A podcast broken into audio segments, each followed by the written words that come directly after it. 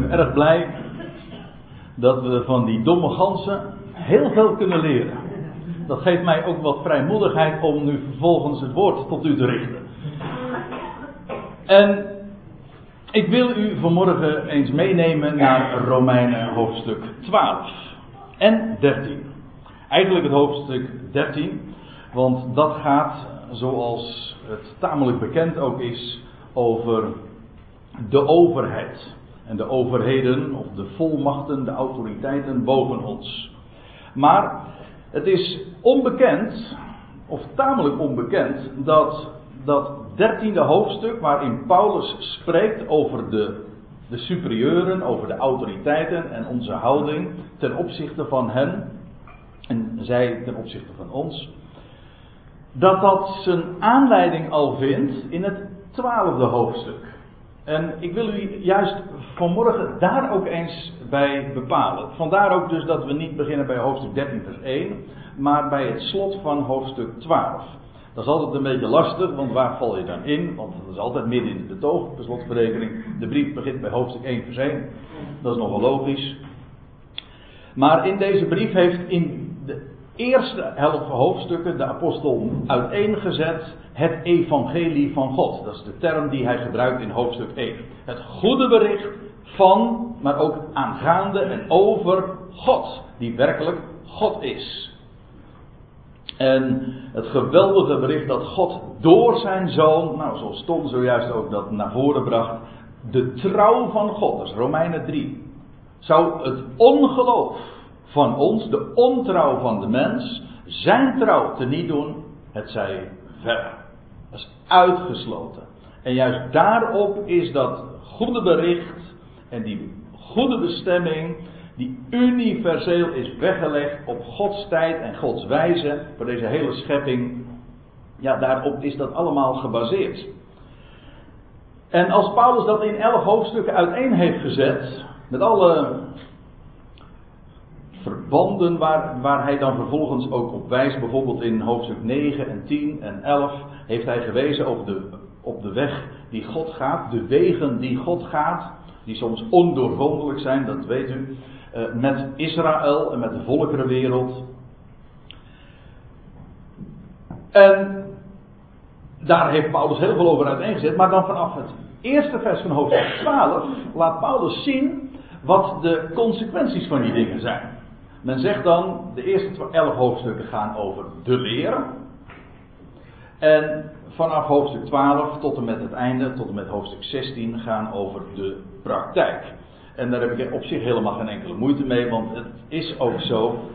De leer van wie God is, dat onderwijs en vervolgens heeft dat consequenties. En wat het mooie daarvan is, is dat Paulus ook laat zien hoe die praktijk gebaseerd is op de leer. Dat wil zeggen, dat sluit daar direct op aan. Het voorrecht is dat we die leer ook tot uitdrukking mogen brengen. Dat is een voorrecht. Nou, dat laat de apostel ook zien in dat twaalfde hoofdstuk. En ik ga dus voorbij aan die eerste 16 versen en ik val hier in vers 17 binnen. Daar zegt de apostel: vergeld niemand kwaad met kwaad. En dan hebt het goede voor met alle mensen. En dat vind ik nou meteen een hele mooie aanleiding om daar toch even nog wat op in te zoeken. Waarom? Omdat dat nu juist het, het geweldige is van die leer die hij in die eerste helft hoofdstukken had uiteengezet. Dat God zelf het goede voor heeft met alle mensen. Alle mensen. Ja, die uitdrukking die hier gebruikt wordt, dat is een. Nou, die uitdrukking, of in ieder geval dat woord woordpaar alle mensen, dat de keer daarvoor had eh, de apostel daarover gesproken in hoofdstuk 5. Romeinen 5, door één mens is de zonde in de wereld gekomen en door de zonde de dood. En de dood is doorgegaan tot alle mensen. En, maar dan gaat hij verder in datzelfde hoofdstuk 5 en dan zegt hij. Ja, laat ik even dit uh, maar voorlezen. Derhalve, gelijk het door één daad van overtreding voor alle mensen tot veroordeling gekomen is, dit verwijst terug naar Adam, naar Genesis 3, door één mens die verantwoordelijk was, die ons aller stamvader, wel door één daad van overtreding zijn alle mensen tot veroordeeld om A. zondaren te zijn en B. stervelingen. Dat is geen keuze van u of mij, zo zijn we ter wereld gekomen, daarvoor zijn we veroordeeld. En mocht u denken dat is niet eerlijk, want ik heb daar zelf niet voor gekozen, ik heb geen inspraak gehad, dat is niet democratisch tot stand gekomen, dan heb ik heel goed nieuws voor u, want het geweldige is dat dat tweede namelijk evenmin democratisch is. En daar kunt u, hebt u geen inspraak in. Dat is Gods bestemmingsplan. En daar houdt Hij aan vast. En dat is het geweldige. Daarom is het ook zo'n goed bericht. Dat kan niet missen. Het is namelijk gebaseerd op Gods voornemen. Zo komt het ook, zoals de één daad van overtreding voor alle mensen tot veroordeling gekomen is. Zo, op dezelfde wijze, niet anders. Zo komt het ook door één daad van gerechtigheid. En dit gaat over die mens, die ene mens, die kwam en die gehoorzaam was tot de dood, ja, de dood van het kruis. Door één daad van gerechtigheid voor alle mensen tot rechtvaardiging van leven. Alle mensen zijn veroordeeld om zondaar en sterveling te zijn. Zo zijn ook alle mensen veroordeeld om gerechtvaardigd te worden van leven. En het is met opzet dat ik nu deze verspreking maak natuurlijk, maar u begrijpt de, de hint. Het punt is, daar hebben we geen invloed op, dat is Gods bestemmingsplan. Rechtvaardiging, leven, met allemaal hoofdletters. Dat leven dat toen aan het licht kwam toen de steen werd weggewenteld. Onvergankelijk leven. Rechtvaardiging. Kijk, en als hier in Romeinen 12 staat, hebt het goede voor met alle mensen, of letterlijk staat er eigenlijk, hebt het goede in beeld van alle mensen. Ja, maar dat is niet voor ons die het goede bericht kennen. En ik ga ervan uit dat als je Romeinen 12 vers 17 leest, dat je het voorgaande daarbij ook in gedachten neemt, dat je dat al kent. Wij hebben het goede in beeld van alle mensen. Geweldig. Je loopt op straat en je kijkt naar al die mensenmassa's en ja, je denkt eraan dat er. Hoeveel zijn het er inmiddels? Ik ben de tel kwijtgeraakt, maar ik geloof dat er 6 miljard mensen inmiddels rondlopen op deze aarde op dit moment. Dat is onvoorstelbaar, maar al die mensen heeft God lief en hij heeft ze bestemd tot rechtvaardiging van leven. Als er één is die het goede in beeld heeft van alle mensen, dan is hij het. Wij zijn tot die erkenning gekomen en dus hebben wij ook dat goede in beeld. En zo mogen we leven. Ook ten opzichte van degene die eh, ons nou niet bepaald vriendelijk gezind zijn, of die ons een hak zetten. Nou, hoeveel conflicten kun je niet in betrokken raken? En dan zegt Paulus: vergeld niemand kwaad met kwaad. Waarom niet? Nou, heb het goede in beeld van alle mensen. Dan kijk je ineens heel anders naar die anderen. En, en het mooie is dat, is dat dat niet alleen maar invloed heeft op die ander, maar ook op jouw eigen vrede. Je kijkt anders. Je krijgt echt daardoor een andere wereld, een ander wereldbeeld. Een, een ander beeld van mensen. Ja, niet alleen van één mens, maar van alle mensen. Nou, ik moet doorgaan, want er zijn nog veel meer versen te bespreken. Houd, maar dit sluit er wel naadloos op aan. Houd zo mogelijk, voor zover het van u afhangt, want ik weet, er zijn natuurlijk, it takes two to tango, zeggen ze dan. Hè, en om vrede te hebben, ja, er hoeft maar één partij te zijn die roet in het eten gooit, dan is het niet mogelijk. Maar houd zo mogelijk, voor zover het van u afhangt, vrede met alle mensen. Heb je het weer? Alle mensen. God is, verzoent alle mensen met zich. En God is in vrede met alle mensen. Wel, wij hebben het goede in beeld van alle mensen en dus houden we, voor zover het van ons afhangt, ook vrede met alle mensen. Kijk, dat is de praktijk die gebaseerd is op de leer. Dat is een voorrecht om in die vrede, niet alleen inwendig, gewoon de vrede in het hart, maar ook de vrede relationeel met alle mensen te hebben. En als zij onvrede met ons hebben, dat is hun probleem. Maar dat wij in elk geval vrede hebben met alle mensen. En hoe zit dat dan? Als je onrecht aangedaan is. Want ik had het zojuist over conflicten, die zijn dikwijls of vaak niet eens te vermijden. Maar neem niet weg, dan kom je toch, uh, krijg je te maken met onrecht. En dit woord breekt uzelf niet. Nou laat ik eerst nog even iets anders zeggen. Uh, over dat woord geliefden. Dat is wel heel fraai, want het betekent uh, dat God zelf zegt, uh, dat woord geliefden, dat is dat, dat Griekse woord agape, en dat heeft te maken met Gods liefde. God heeft liefde. Nou, daar zet ik u zojuist al het een en ander over uiteen. God heeft deze wereld lief, alle mensen lief. En wij zijn geliefd. En wij hoeven niet voor ons eigen recht op te komen, want wij zijn geliefd. Er is iemand die onze belangen behartigt. En die ons ook het recht zal herstellen. Dat woord breken heeft in het Grieks, in het Hebreeuws trouwens ook, dat heeft altijd te maken met het herstellen van het recht. Het heeft zelfs nog met opstanding te maken in het Hebreeuws. Maar goed, dit is geschreven in het Grieks, dus daar beperk ik me nu even toe. Uh, dat, dat zie je trouwens ook, dit woord, dit Griekse woord wat Paulus hier gebruikt, dat heeft te maken met recht doen of recht verschaffen. Wij hoeven zelf ons recht niet te verschaffen. Als ons onrecht is aangedaan, dan zou je zeggen van, nou dan breek je. Nee, zegt Paulus, wreekt u zelf niet. Hoezo niet? Wel, laat plaats voor de toorn. Of eigenlijk staat er, zoals u hier ziet, ik heb die interlineair. U moet vooral letten op die groene, die middelste lijn. Dat is namelijk de meest letterlijke, weliswaar in het Engels. Maar dat is de meest letterlijke weergave. Die onderste regel, dat is de weergave zoals wij hem in onze vertaling aantreffen. Maar er staat eigenlijk dus: geef plaats aan de toren. Als daar boosheid is, als, als je boos bent over onrecht, ik bedoel, onrecht, daar ben je niet blij mee, als dat je onaangedaan is.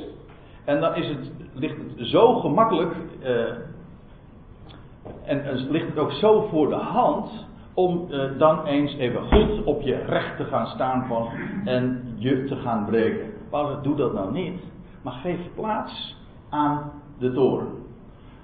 Hoezo? Nou, er is er één die jouw belangen behartigt. Want er staat geschreven, en dan verwijst Paulus naar Deuteronomium 32, vers 35. Mij, en dat is, dan is het God zelf die aan het woord is, mij komt de wraak toe.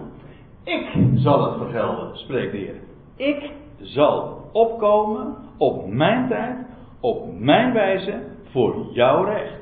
Mij komt dat toe. En dat hoef jij niet te doen. Dat wil dus zeggen dat je het gewoon over kunt geven. Geef plaats aan die toren. Als die ander gecorrigeerd moet worden, want daar heeft toren mee te maken, je bent boos over onrecht. Wel, als daar correctie behoeft, en het ligt niet in jouw vermogen, laat het los. Geef het over. Er is er één die recht doet. Er is er één die jou zal geven dat wat jou toekomt. Vertrouw daar maar op, want er is één God. En dat spreekt de Heer zelf uit. En dan gaat nog verder. Want hij zegt, indien uw vijand, en dan volgt er weer een citaat uit het Oude Testament, de Hebreeuwse Bijbel, uit Spreuken 25, vers 21 en 22. Maar indien uw vijand honger heeft, geef hem te eten. Uw vijand. Jij bent niet vijandig ten opzichte van hem, maar iemand is vijandig ten opzichte van jou. Nou, wat doe je dan? Als die honger heeft, dan zou je, dat is de meest, eh, dat is de primaire gedachte van een mens, hè? Dat is de, zoals je normaal zou reageren. Die, jouw vijand heeft honger, dan denk je, mooi. Dat uh, komt heel goed uit, want dat verdien jij. Niet waar? Dan zeg je, ik dank God voor het feit dat jij honger hebt. Nou wordt mij toch recht aangedaan. Nee.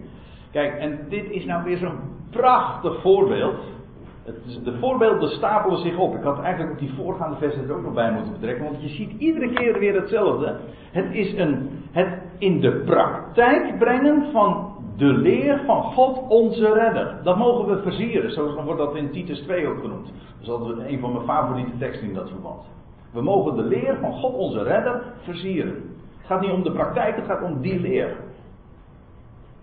Ja, ik weet het wordt meestal omgekeerd. Het gaat niet om de leer, het gaat om de praktijk. Dat is onzin, het gaat in de praktijk om die leer. Want dat is geweldig, dat hij de, uh, dat hij de redder is. Nou, en wat, wat hij is, uh, God zelf, doet dat namelijk. Hoe maakt God vijanden tot vrienden?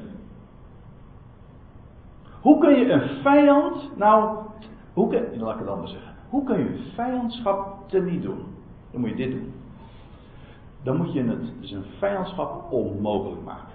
Iemand is jouw vijand. Hij heeft honger. Wat doe je dan? Geef hem, maar, geef hem brood. Geef hem te eten. En als hij dorst heeft, geef hem te drinken. Want staat er dan, zo zult ge vurige kolen op zijn hoofd hopen. Vurige kolen hebben alles te maken met het altaar, maar ik wil, de, ik wil het simpel houden. Het heeft te maken met het feit dat de vijandschap dan smelt dan kun je je vijandschap niet langer handhaven. Als iemand jouw vijand is en, en jij, jij bent in de gelegenheid om die ander juist te breken en je doet het niet. Integendeel, je betoont hem juist liefde, je bewijst het hem zelfs. Welke reden heeft hij nog om zijn vijandschap te handhaven? Integendeel, dat is net als Jozef, die geschiedenis in het Oude Testament die uh, zoveel onrecht was aangedaan. En u kent de geschiedenis. En dan komen zijn broers inderdaad bij hem op bezoek. En dan, wat doet hij? Hij geeft zijn broers eten. Die hadden honger, hij geeft ze te eten. Hij geeft ze zelfs nog veel meer mee. En op een gegeven ogenblik maakt hij zich bekend. Een schitterende geschiedenis, vol met typologie. Maar het gaat me nu even om het punt. Hij gaf zijn vijanden, zijn eigen broers, te eten. En toen hij dat bekend maakte, toen was de vijandschap verdwenen. Vijandschap smelt, verdwijnt. Die liefde overwint de vijandschap. Kijk, dat is Gods liefde. Gods methodiek om een vijand te niet te doen. Dat is niet, dat is niet door, zijn, eh, door hem te vertreden, maar dat is door zijn vijandschap in vrede te veranderen. Zo zult ge vurige kolen op zijn hoofd hopen. God doet dat zo. En wij mogen leven in verzoening. En ook zo ons opstellen naar die ander. Dat is niet menselijk. Nee, dat is goddelijk. Zo doet God dat. En in die vrede mogen we zelf ook wandelen. En zegt Paulus dan in het 21ste vers: eh, Laat u niet overwinnen door het kwade. Maar, zegt hij, overwin het kwade door het goede. Dat wil zeggen, geen kwaad met kwaad vergelden. Dat, is, dat noemen wij ook heel primair reageren.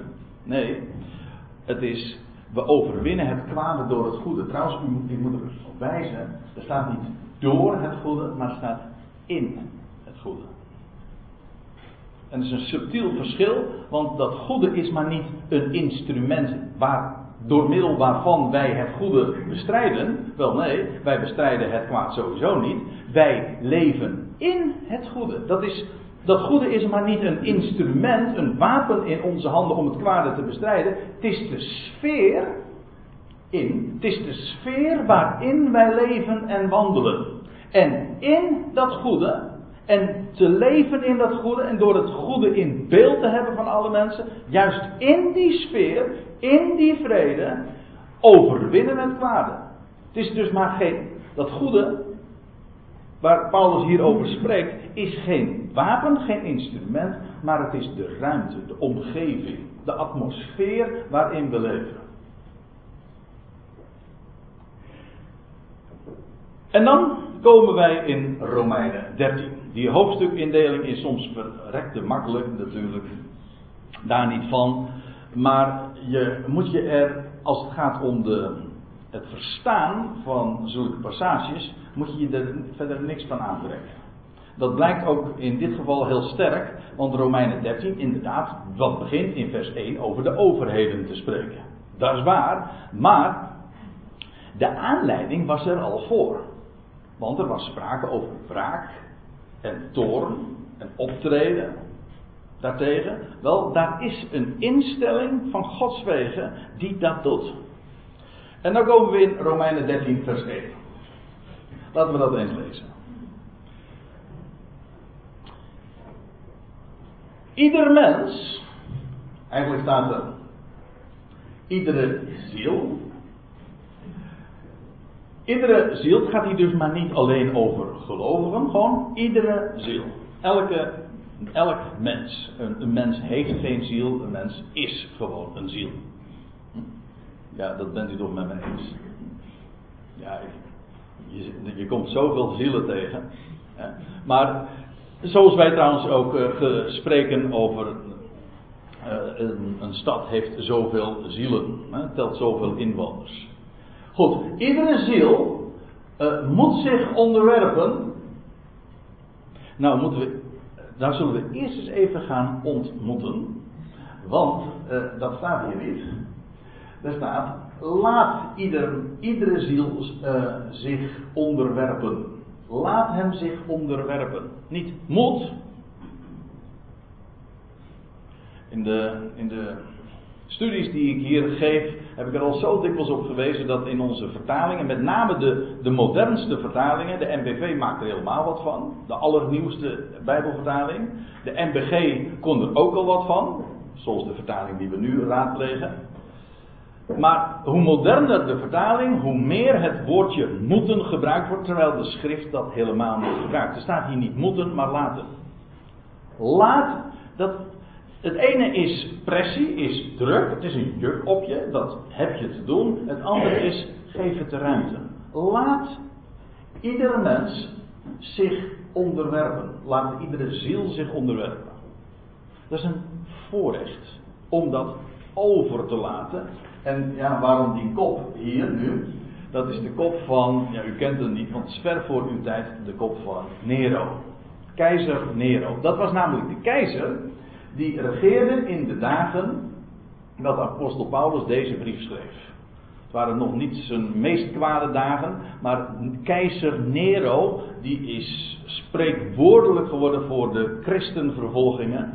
Trouwens, het was helemaal een vreselijke bruut. Het is een van de ergste Romeinse keizers geweest. Die in Rome regeerde dus. En Paulus schrijft een brief aan een ecclesia in Rome.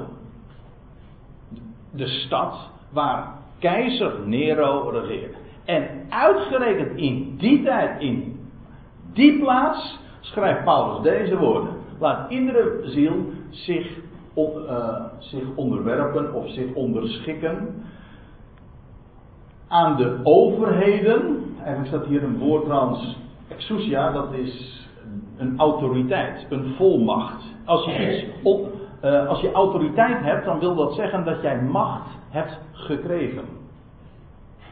Wij spreken dan over volmacht.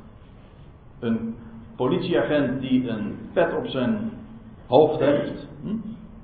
Met, uh, met het uh, vignet, et cetera, van, van de politie. Wel, die heeft dat, dat beeld zijn autoriteit uit. Hij heeft, hij draagt autoriteit. Dat kan hij bewijzen. Wel, dat is het woord wat hier gebruikt wordt. Het woord overheid is een, is een ander woord. Dat kent de Bijbel ook. Maar hier wordt gesproken over autoriteiten, volmacht. Zij die autoriteit hebben gekregen. En in het Bijbelse principe, en daar moeten wij eh, ja, heel erg aan wennen, dat zijn wij kwijtgeraakt, hè, democratisch als wij denken en in termen van inspraak. Ik had het er zojuist even over. Dan denken wij altijd van, ja, macht uh, komt van onderaf. Dat is absoluut niet in de Bijbelse uh, gedachte. De Bijbelse gedachte is, gezag komt van boven. Dat is wat gezag is. En op welk niveau ook trouwens. Dat geldt voor de regeringsinstanties. Ik zal het u straks nog laten zien, maar het geldt ook voor andere vormen van gezag. Ouders die gezag hebben over hun kinderen. En het geldt uh, voor uh, werkgevers die het gezag heeft over hun werknemers. Dat zijn uh, relaties van autoriteit, van volmacht. In de dagen van, dat deze brief geschreven werd, had een heer een slaaf. En ook in de brieven lees je heel dikwijls over, over dat Paulus zich ook richt tot slaven. En zich te onderschikken. Paulus spreekt nooit een revolutie. Maar schik je onder, schik je in de autoriteit die boven je geplaatst is. En dat, zo, dat zijn bijbelse verhoudingen. Dat geldt trouwens ook voor man en vrouw. Dat is geen kwestie van gehoorzaamheid, maar het is wel hoofd. De hoofd van het gezin, de hoofd van de vrouw. Weet het, daar moet je altijd heel erg tegenwoordig mee uitkijken. Maar het zijn bijbelse verhoudingen. Dus ik zeg het gewoon. Ik bedoel, ik preek hier niet. Dat wou ik ook nog eventjes zeggen, want ik kreeg daarover de hoor, waarover ga je preken? Ik zeg, ik preek niet. Eh, ik wil u gewoon laten zien wat er staat geschreven. Ik ga gewoon regel voor regel u laten zien wat er staat geschreven. Dat heeft kracht, dat heeft power, dat is scherp als een tweesnijdend zwaard en dat doet zijn werk in uw en mijn leven. Dat vind ik het geweldig en ik hoef u er alleen maar op te wijzen. Af en toe geef ik toelichting waar het nog meer staat enzovoort. Maar ik wijs u gewoon op wat er staat geschreven. Niet meer en ook niet, vooral ook niet minder. Goed. Uh, iedere ziel, laat iedere ziel zich onderschikken aan de volmachten, aan de autoriteiten die boven hem staan, aan de superieuren, aan degenen die hoger geplaatst zijn. En dit is eigenlijk ook weer zo'n ontzettende logische gedachte. Wat zou nou de houding zijn van ons, van welke ziel dan ook, ten opzichte van degenen die hoger geplaatst zijn? Die boven ons geplaatst zijn. Anders dan je onderschikken. Zij staan boven je. En dus laat dat zo. Laat, je, laat het zo zijn als het is. Onderschik je aan degene die boven je staan. En ja, dit is een, een regel die logisch is, maar het is ook, ik vind ook een, werkelijk een goed bericht. Dit is niet een, een commando van je moet je dat. Het loutere feit dat de vertalers hier moet hebben geschreven, dat is al een aanduiding dat ze het niet hebben begrepen. Want ze doen alsof het een commando is, een last is, terwijl het een voorrecht is. Er staan mensen, autoriteiten boven je. En schik je onder hen. En het wordt trouwens ook gemotiveerd, want er is geen overheid, staat er, geen autoriteit, dan door God. Staat er trouwens ook niet. Sorry, het staat echt. Dan onder God. Staat niet het woordje door. Ze staan onder God. Elke autoriteit. Ik zei u, autoriteit komt in de Bijbel van boven naar beneden. Dat is een universeel principe. God is degene die supreme is, hè, die boven alles de allerhoogste. En hij deelt gezag uit aan en autoriteit geeft hij aan andere lagere instanties, aan mensen. Er is geen overheid dan onder God. En die er zijn, zijn onder God gesteld. Of ja, onder God neergezet. Ook hier weer niet woordje door, maar onder. Ze staan allemaal onder God. En ze zijn ook geen verantwoording schuldig. En dan ga ik weer iets zeggen wat, uh, wat je natuurlijk bij Paul en Witteman waarschijnlijk niet aan tafel moet zeggen. Overheden zijn geen verantwoording schuldig aan het volk waarover zij regeren. Ze zijn verantwoording schuldig aan degene die boven hem staan van wie zij volmacht hebben gekregen. Niet van het volk dat hen gekozen had. Nee, God heeft hen daar gesteld. aan hen zijn zij verantwoordingsvol. En niet aan ons. En wij schikken ons daarin. Ik vind het woord schikken altijd wel erg leuk. Want daar krijg je schik van. En om. We schikken uh, ons eronder, maar dat komt ook, we, kunnen dat de ruimte geven, er is één. En dat, zal u eens meenemen naar een andere schriftplaats. Daniel 4, daar staat een prachtige uitspraak. Er zijn er meer van dit soort. Maar Daniel 4, vers 17. Daar spreekt Daniel tot de allerhoogste autoriteit in die dagen. Waar zelfs Obama uh, alleen maar van kan dromen. Of Poetin, of welke naam u ook maar wil. Want Nebukadnezar hij had macht, was de grootste macht, zelfs over alle koninkrijken der aarde. Nou, dat kan geen enkele wereldheerser momenteel zeggen.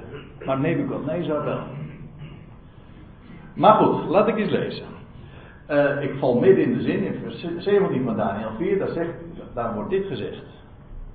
Een van zijn lagere magistraten, Daniel had ook een hoge positie daar in dat Rijk van Babel, in de gewesten van Babel. Maar dan zegt deze man tegen hem, dat is in die geschiedenis, weet je wel dat hij een visioen had gekregen en dat hij zeven jaren uit zijn ambt gezet zou worden. En dat hij als een beest zou worden. Opdat de levenden mogen weten dat de Allerhoogste macht heeft. Gezag heeft, het voor zeggen over het koningschap van de stervelingen. Dat wat in het cursief staat, dat is de meest letterlijke weergave, dat helaas de vertaling dan niet weergeeft. En hij geeft dat, dat koningschap, de macht, aan wie hij wil. Ja, zelfs de laagste onder de stervelingen daarin aanstelt. En dat wordt je ja, laagste in de MBG staat de nederigste. Dat zal wel waar wezen, maar er staat de laagste. En in dit geval vind ik dat zo mooi, want die Nebukadnezar zelf zou een laagste worden. Een man met de hoogste autoriteit, die man die werd gek. Hij werd gewoon gek, krankzinnig. Hij kreeg, een, hij kreeg een dierenhart ook. Je leest dat hij zelfs echt jarenlang helemaal, ja, wij zouden zeggen, psychiatrisch was, is geworden. Hij is later, na zeven jaar, in, in zijn autoriteit weer hersteld. Ja, en dat is nu precies wat, waar Nebuchadnezzar het over heeft. Hij, de Allerhoogste, die zelfs de laagste, degene die als een dier gras had te eten, want dat was het. Ja, zelfs de laatste onder de stervelingen stelt hij daarin aan. Op zijn tijd. En ze, God zegt, nou is het genoeg. En dan kom je precies weer daar waar ik het heb. Hij heeft macht. En hij is de Allerhoogste. Hij beschikt elke overheid en elk mens. En ik vind dat een geweldige gedachte. Er is één God en hij heeft macht over al die regeringen. En wij maken ons daar druk over. Ik bedoel, het is ook een, een hele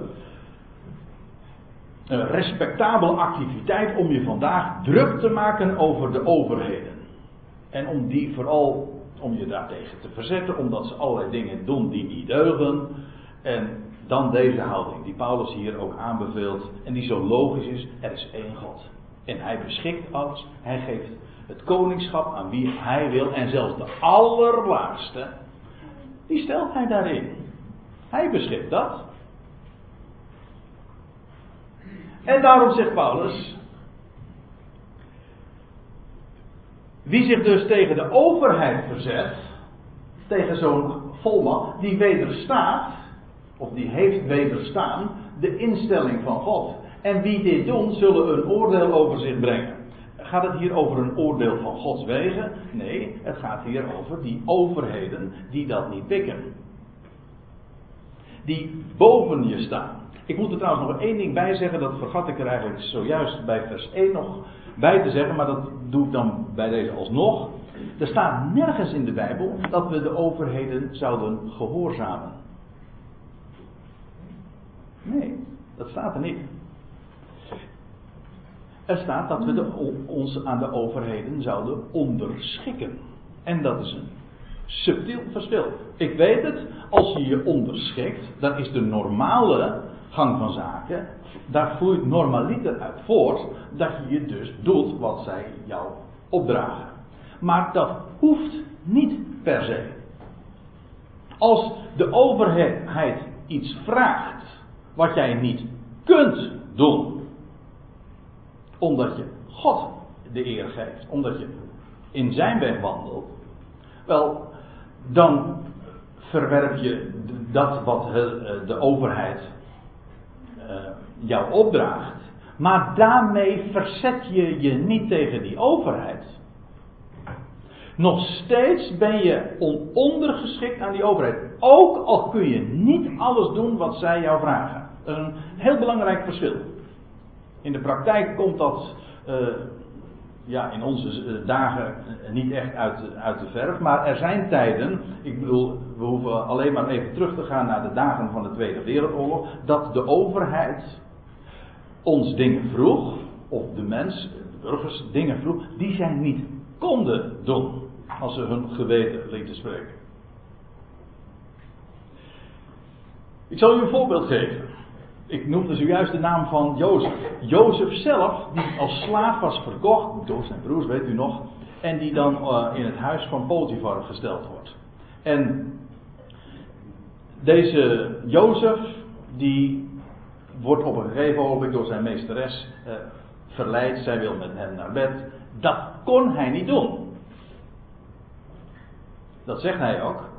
Ik zou zo'n kwaad doen tegen, tegen God. Dat kon hij helemaal niet doen. Hij vluchtte. Dat wil zeggen, hij deed dus iets wat zijn meesteres juist niet wilde. Nou ja, hoe dat afliep, dat is nog weer een heel apart verhaal. Maar ik vind het zo mooi, even terzijde. Ik vind het zo prachtig.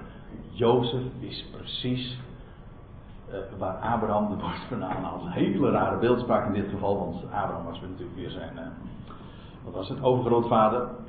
Maar Jozef wist waar het om ging. Er is één die de regie in handen heeft. God beschikt mijn leven. En Jozef had een droom van Gods wegen gehad. Een visioen. Hij wist wat God voornemens was. En God had een bestemmingsplan. En daarom had Jozef rust.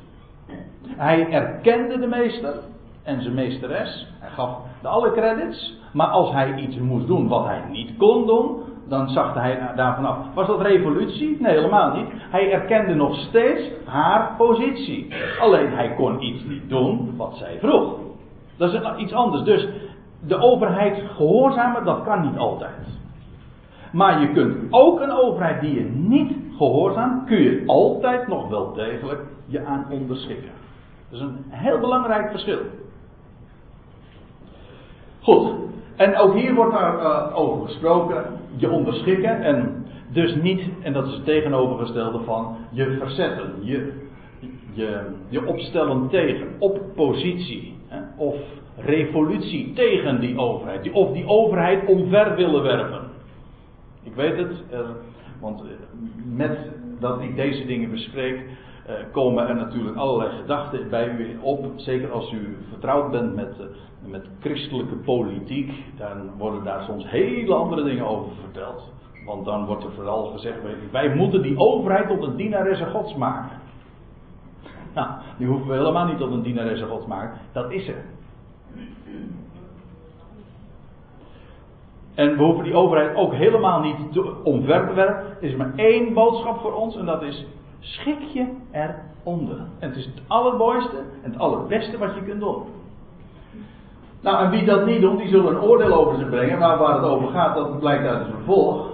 Want als iemand goed handelt, en begrijp me goed, waar het hier over gaat, is onderschikken. De overheid staat boven je. En wat zou een, een ziel doen? Die die superieuren boven zich heeft staan. Gewoon schik je onder die overheid. Dat is dat goede handelen. Ik weet wel, je kunt natuurlijk zeggen dat uh, keizer Nero, dat was iemand die later, of misschien al in deze dagen, maar vermoedelijk niet, maar keizer Nero was er iemand die de gelovigen vervolgde. De gelovigen hadden dus veel te vrezen van de overheid. Dat, dat was omdat ze de overheid niet konden gehoorzamen soms. Maar dan nog, ook als ze het niet konden gehoorzamen, konden ze zich altijd onderschikken. En dat is dat goede handelen. Als je je schikt onder die overheid, dan hoef je, behoeft hij niet bevreesd te zijn voor de overheidspersoon. Als je doet namelijk dat wat zij zeggen, dat is de normale uh, consequentie van je onderschikken. Maar wel als hij verkeerd handelt. Dat wil zeggen, letterlijk staat er als hij kwaad handelt. Dat is, dat is dat weerstaan van de overheid. Wilt gij zonder vrees voor de overheid zijn? Doe het goede, dat wil zeggen onderschik je. En je zult lof van haar ontvangen, want dat is precies het enige wat een ziel zou doen, een inwoner zou doen met superieuren boven zich, dat is zich schikken onder die overheid. Ik lees verder. Zij staat immers in dienst van God. Hier staat het woordje in Grieks, herkent u dat? Diakonos, en dat betekent een diaken. Een, de overheid, die autoriteit, is een diaken van God.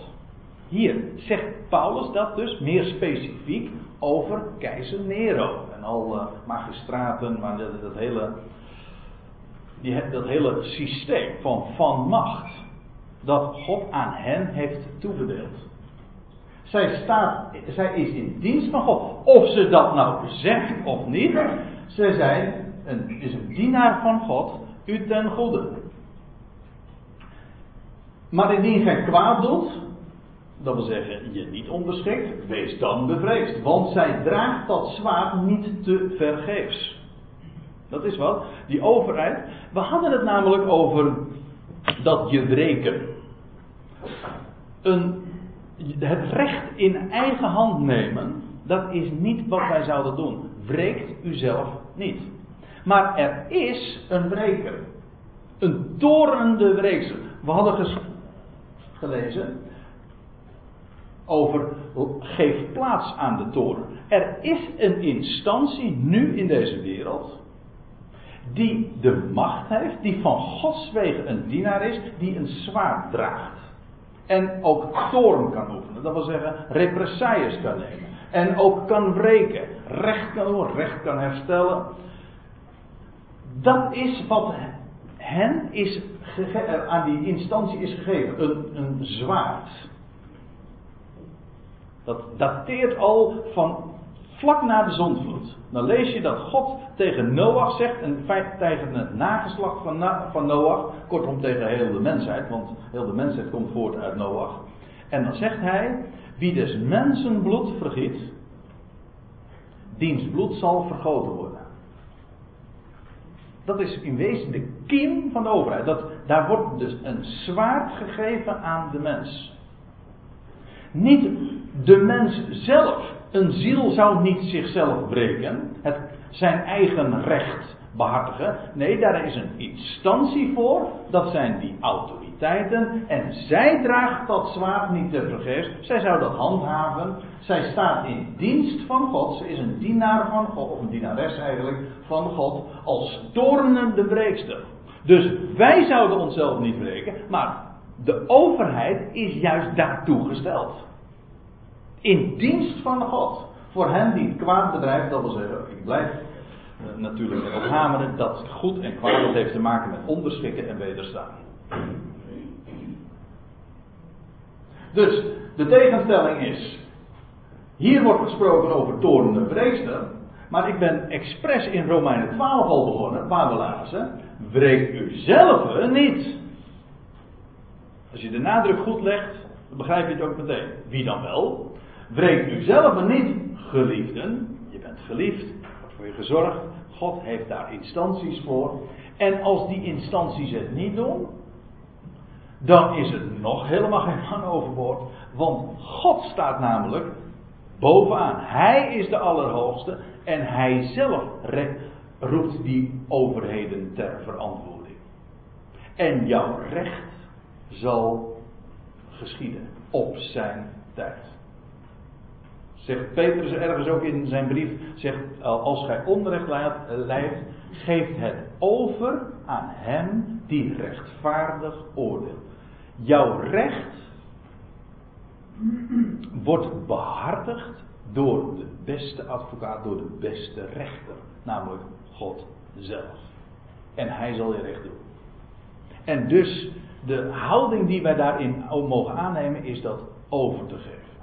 Hoezo al dat gecritiseerd op de overheid, dat ze dingen niet goed doen? Dat is, onze, dat is onze zaak helemaal niet. Om ons daar druk over te maken. En daarom zegt Paulus ook, daarom is het nodig, of letterlijk daarom is het noodzakelijk zich te onderschikken. Om die vrede te hebben. Niet slechts om de toren, niet slechts om de consequenties, omdat die overheid torent over degene die zich niet onderschikt. Dus dat je bang moet zijn voor de consequenties, dat is ook zo. Want als je niet doet wat die overheid zegt, ja, dan zul je daarvan de consequenties onder, ondergaan. Maar ook om, het geweten, om des gewetens wil, om het geweten. En dat geweten, dat in het Grieks, daar is dat, uh, is dat woord, betekent letterlijk, is opgebouwd uit twee componenten, en dat is meden en weten. Dat komt uh, nauwkeurig overeen met het woord, ook het Latijnse woord, conscientie. Het is een beetje oud-Nederlands. Om over conscientie te spreken. Maar je vindt het echt nog in het, woordenboek. Maar conscientie, con betekent mede. En scientie, dat heeft met science te maken met weten.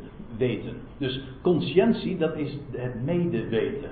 En dat is veel meer dan alleen maar het besef van goed en kwaad en weten dat je fout doet als je iets, uh, als je iets gedaan hebt wat niet deugt.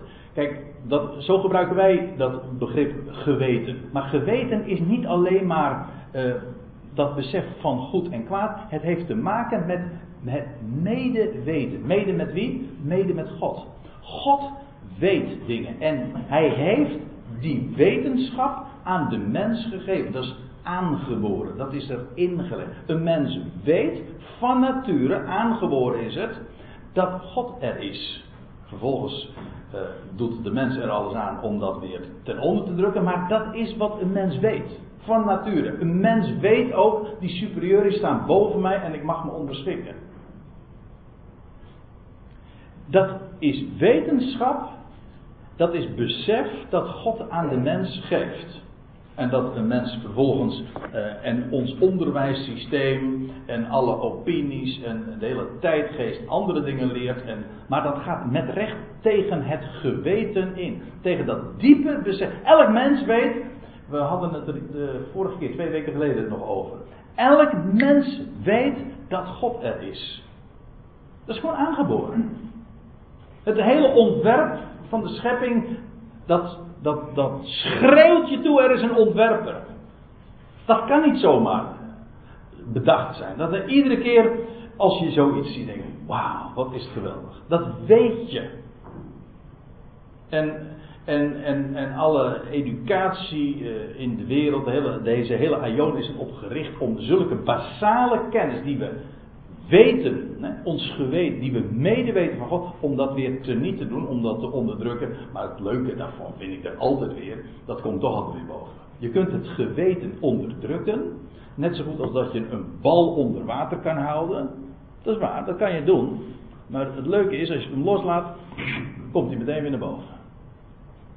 En dat is met dat geweten ook zo. Dat kun je onderdrukken, je kan het het zwijgen opleggen, dat komt altijd weer naar boven.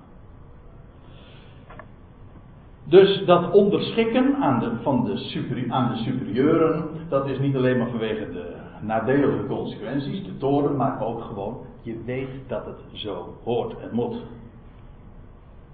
Daarom brengt gij toch ook belastingen op. Nou ja, ik dacht, het is 6 april, hè?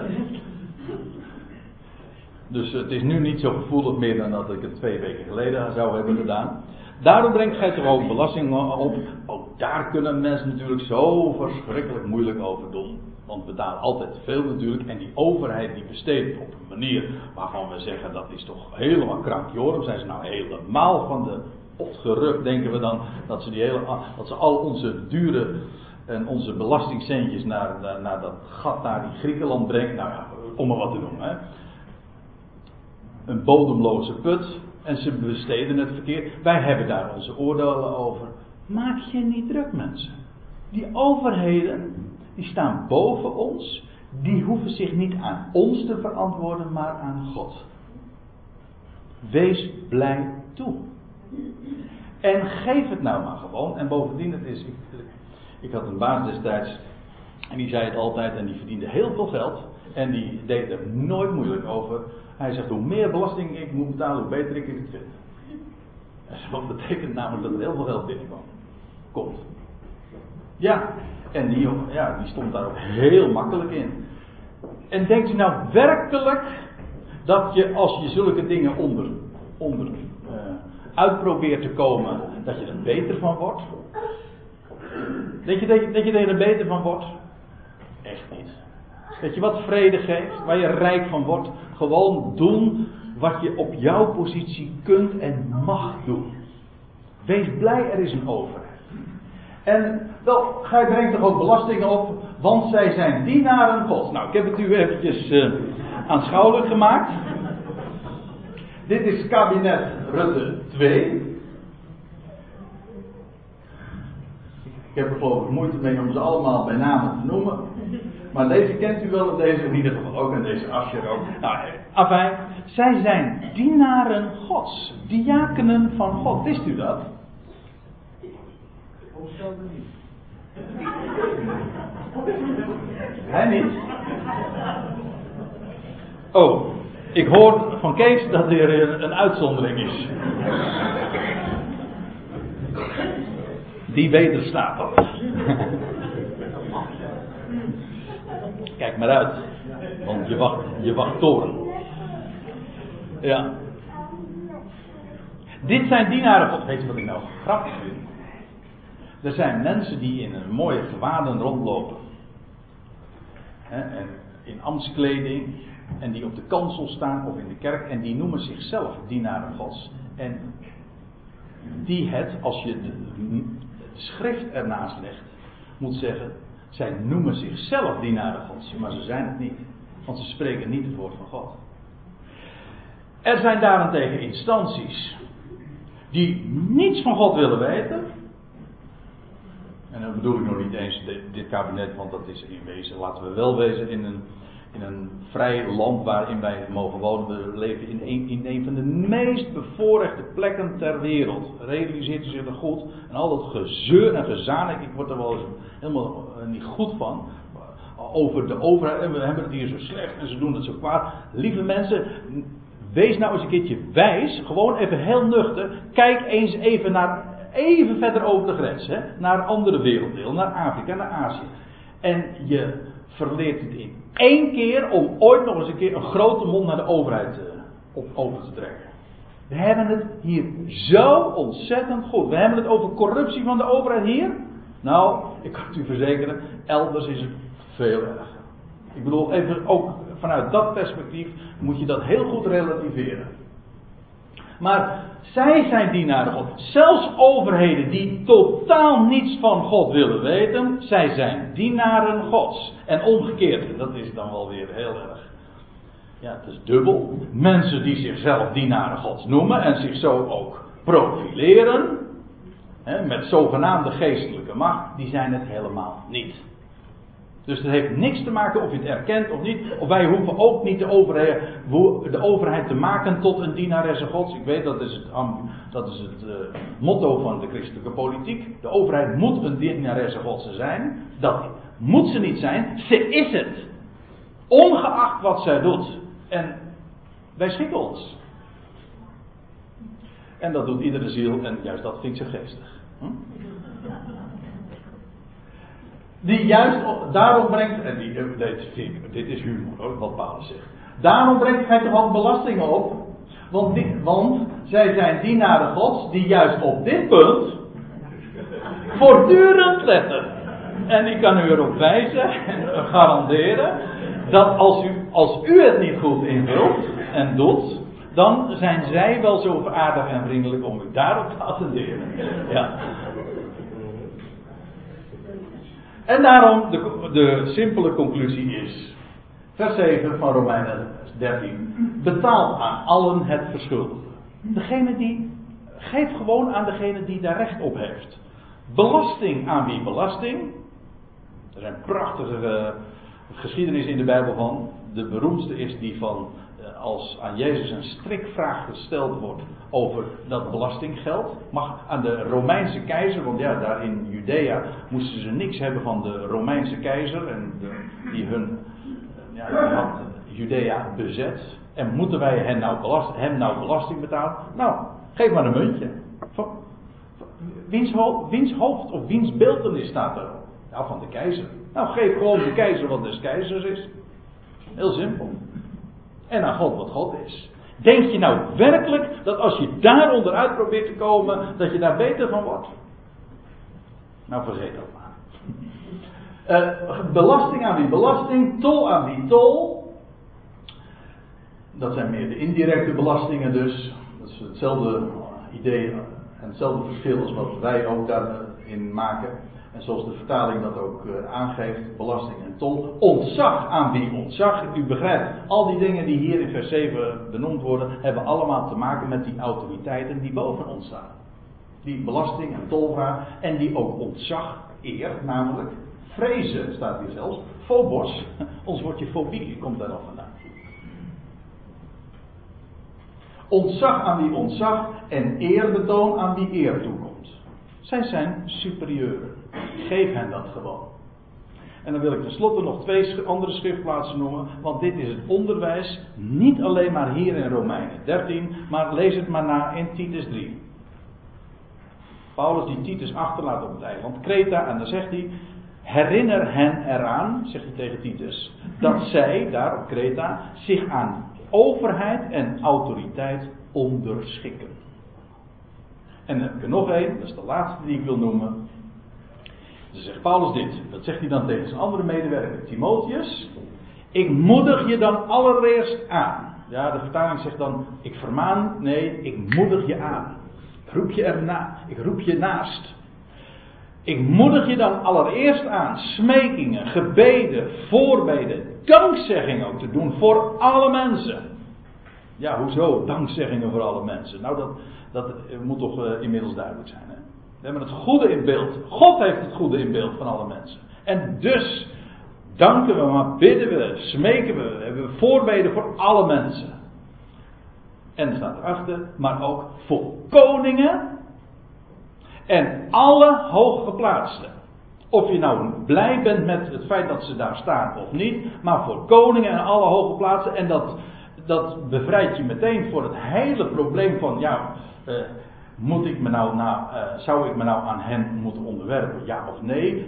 Zijn ze daar wel op de juiste, de correcte, de uh, legitieme of legale weg daar gekomen? Dat is ons probleem helemaal niet. Als zij hoog geplaatst zijn, dan zijn ze hoog geplaatst. En dus onderschikken we ons aan hen. En dat niet alleen, we bidden en bedanken. En er staat erbij, en dat, dat is precies waar het me eigenlijk vanmorgen ook om gaat.